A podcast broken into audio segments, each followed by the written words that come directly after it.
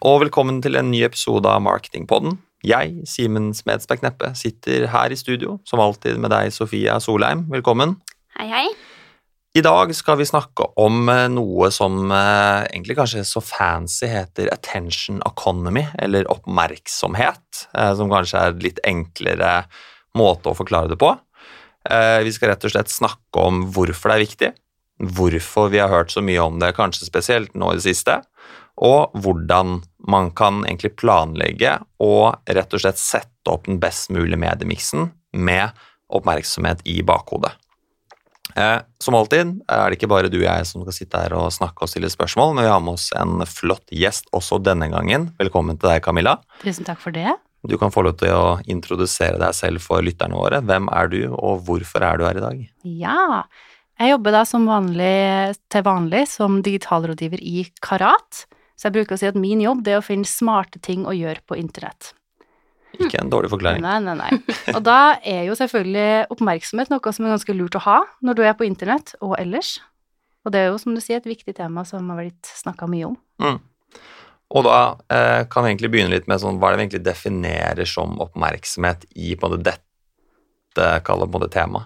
Ja, for det man hører, det er jo ordet eller eh, frasen 'attention economy'. Det er den man hører. Mm. Og det, jeg syns det er bedre å si, sånn som du sa, oppmerksomhet eller oppmerksomhetsøkonomi. Mm. For det er der det egentlig starter. Det er egentlig en økonomisk teori som handler om altså rett og slett at man ser på oppmerksomhet som en begrensa ressurs. Eh, man kan også ta det litt i et tidsperspektiv. Jeg syns egentlig det er enklere å forklare det hvis du tar det over tid. For la oss si at på 1600-tallet, da dreiv jo de fleste av oss med landbruk. Og hva er det da som er den begrensa ressursen som alle tenker på og er opptatt av hele tida? Vet dere det? Tid? Ja, det kunne det vært, men det er landområdet. Mm. Mm. For det er landområdet, den ressursen alle vil ha, som er begrensa, og det er den som gjør at vi får mat. Og så kan du spole litt tid, litt fram i tid til moderne, litt mer moderne tidsalder, på si 1700- til 1900-tallet. Da kom det masse fabrikker. Og hvilken ressurs er det man trenger da for å drive fabrikken, og som vi vanlige dødelige kan gi til fabrikken? Mennesker, arbeidskraft. Helt riktig. Da er det arbeidskraft som er den viktigste eh, ressursen som er begrensa. Så kan vi spole litt fram igjen, si 1900 opp til 1990. Da har vi hatt en utvikling i teknologi. Vi har jo da fabrikkene som har fått laga masse varer til oss, det er tjenester og varer tilgjengelig. Og da ser man at plutselig kan vi snu litt på det og si, men hva er det da bedrifter kan gi som igjen forbrukere har lite av? Penger. Nesten kunnskap. så i, sant, i den eh, tidsperioden så var det jo da kunnskap som var det begrensa. Som hele tida var det man fokuserte på, fordi forbrukerne trengte kunnskap for å vite hvilke produkter skal vi kjøpe, hva er best. Og bedriften prøvde jo da å gi den kunnskapen, sånn at det var din støvsuger som ble valgt. Mm. Men nå så har jo ting endra seg, ikke sant. Nå er det jo helt annerledes. Nå har vi jo internett, som gjør at vi har jo all den kunnskapen vi trenger til enhver tid. Vi har underholdning så mye som vi trenger. Og hva er det som det er manko på for oss, da? Oppmerksomhet. Yes. Det var akkurat det. Bingo. Mm. Jackpot. Så hva er egentlig grunnen til at vi snakker om dette her liksom akkurat nå? Hvorfor har det akkurat nå blitt så viktig? Altså med akkurat nå, de siste Mm. kanskje tre-fire årene? Det er et veldig godt spørsmål. Jeg tror det er sammensatt av flere ting.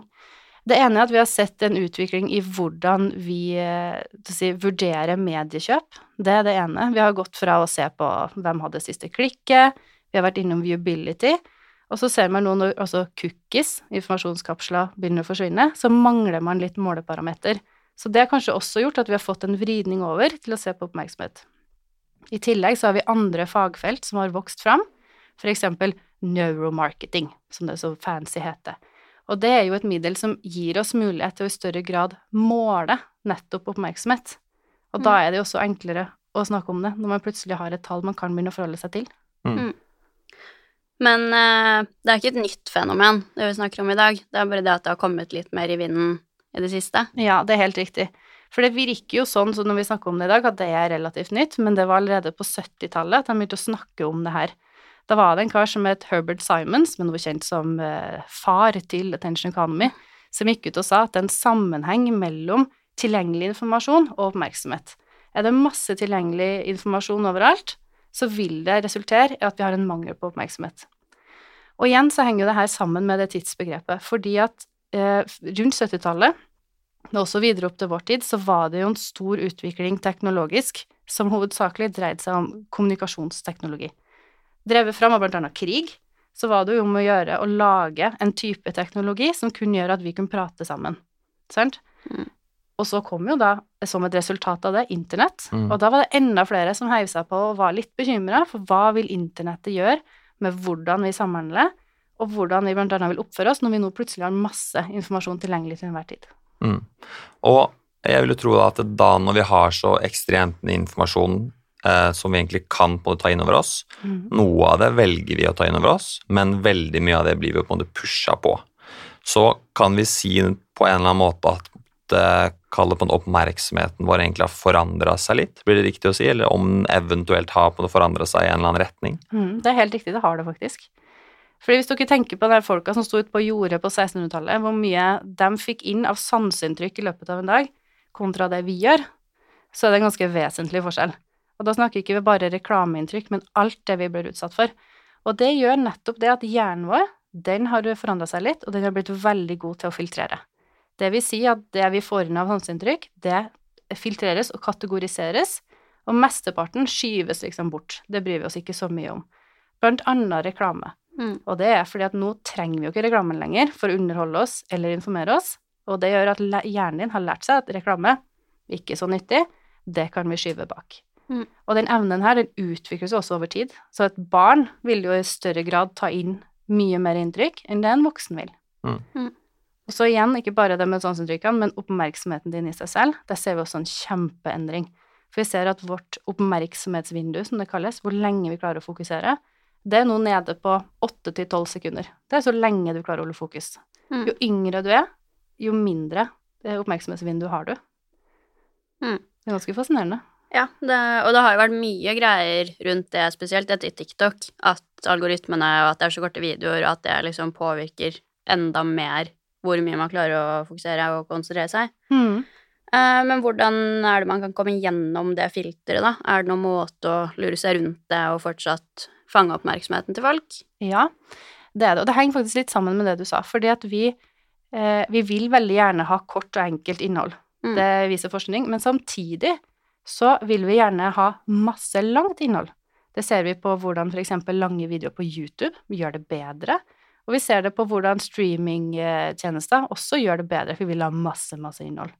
Så det er, sånn, det er litt sånn tosidig, Mm. egentlig. Og mye av det handler om at vi, nå som hjernen vår har endra seg, også har utvikla et litt annet, litt mer negativ eh, si, effekt, og det er at når vi har så mye informasjon, og vi ikke klarer å konsentrere oss, så har vi også en tendens at vi sitter selv og øker den mengden, ikke sant? Vi klarer jo ikke å konsentrere oss, vi sitter jo og scroller på telefonen og ser på TV samtidig. Og litt av grunnen til at vi holder på å stresse sånn som det vi gjør, det er det at når vi eh, opplever noe som vi ser på som underholdende, så frigir hjernen din lykkehormoner, annet dopamin. Og dopamin er det mest avhengighetsskapende stoffet vi har. Mm. Og det har du inni huet ditt, det er skummelt. og det er jo med på å gjøre at du nettopp da vil se mere, mere, mere, mere. Så hvis du først liker noen ting, så vil du se lange, masse. Mm. Sant, sånn som du sier. Så det er jo der det ligger litt forskjell. Mm. Og så er det da tilbake til dette med hvordan vi da kan holde på den oppmerksomheten. For nå har vi sagt noe om at eh, ok, vi klarer å holde fokus så og så lenge. Eh, vi vet at reklamebudskapene vi blir utsatt for, er kanskje kortere og kortere. Videoene vi ser, er kortere og kortere. Så hvordan er det vi egentlig skal klare å holde de interesserte med det samme budskapet, eller kanskje et, litt sånn utviklende budskap over tid? Mm. Det er egentlig to steg i det. det. Det første, det er jo egentlig som du sa, Sofia, det at vi må klare oss å komme igjennom eh, den oppmerksomheten. Så jeg bruker å dele opp oppmerksomhet egentlig i to faser. Det ene at du har en slags akutt oppmerksomhet. Der har ikke hjernen din endra seg. Og så har vi den vedvarende oppmerksomheten. Den akutte oppmerksomheten, det er det steget som vi innen markedsføring kanskje glemmer litt noen gang. Og det handler om å få en reaksjon med en gang. Det vil si at vi må ha et stimuli, et eller annet, om det er en lyd, eller om det er bevegelse, farge, som fanger blikket ditt. Så du må først gjøre det for å i hele tatt klare å komme gjennom det filteret du har i hjernen. Klarer du ikke det, så er det jo ikke noe poeng. Da har du ikke noe oppmerksomhet å holde. Når du da skal holde oppmerksomheten, når du først har fått folk til å eventuelt snu seg etter det, så har du en del virkemidler du bør bruke. Det aller viktigste du har, det er kreativitet.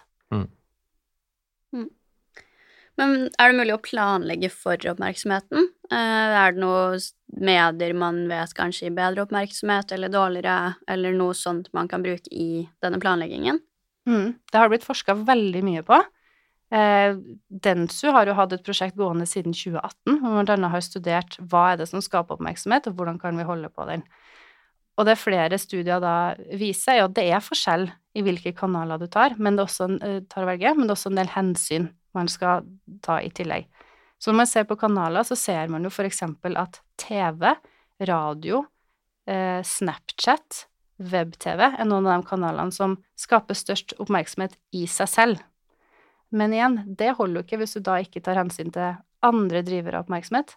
Eksempel kreativitet, om lyden er av eller på, det spiller veldig mye rolle. Mm. Hvor lang film du har, sånn som du sier, korte videoer.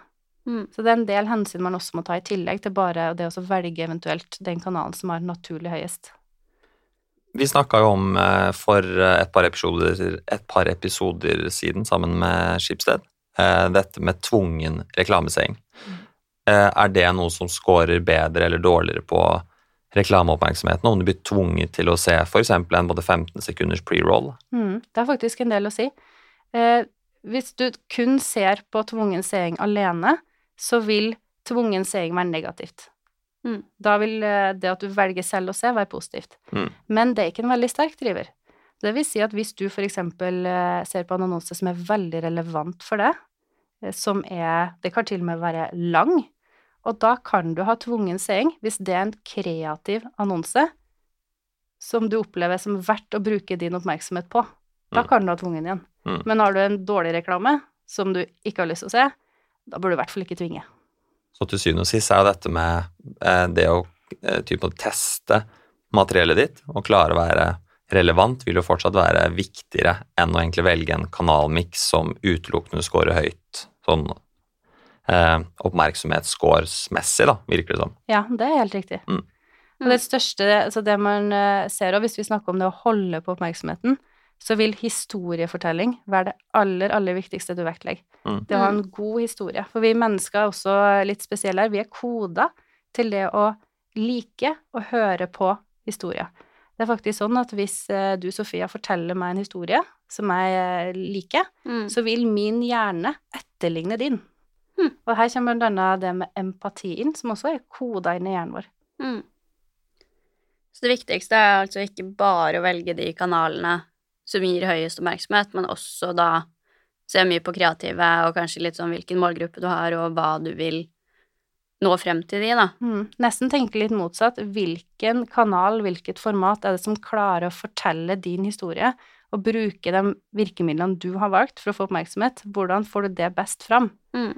Så man ser jo blant annet at eh, kanaler med video gjør det veldig bra, ikke sant? TV, YouTube gjør det bra, Snapchat. Mm. Og det handler kanskje om nettopp det at det er en historie, og det at vi eh, rent huleboermessig tiltrekkes av at det er bevegelse Mm. av film. Det tiltrekker blikket ditt. Jeg tenker sånn helt avslutningsvis, eh, hvis man nå på det sitter eh, som eh, markedssjef, eller hva det måtte være, eh, planlegger for en type aktivitet, hvordan er det man kan starte og liksom på en måte dypdykke litt inn i dette med å på en måte planlegge for nettopp oppmerksomhet, kunne se om kreativene sine passer inn i de ulike kanalene? Har du liksom noen eh, på det tips, eller hvordan man kan starte i en sånn type prosess? For det er jo relativt nytt. Da kan du begynne med å ringe Densu. Nei, men vi har jo noen ting som heter for attention planning. Og det er jo et resultat som har kommet ut av annet det store studiet som Densu har gjort med flere, blant annet Karen Nelson Field, som er ganske kjent innenfor det fagfeltet her, Mm. hvor man da rett og slett har kategorisert og gitt media og ulike formater en score på hvor bra oppmerksomhet de skaper, hvor bra de spiller inn på hukommelse, altså om du husker det eller ikke, og hvordan det fører til salg.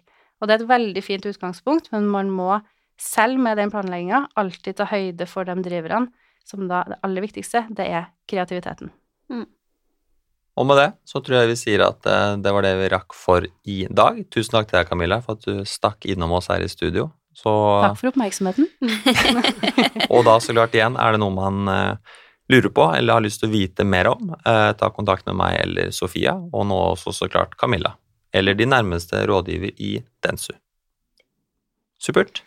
Tusen takk. Ha det bra. Ha det. Ha det.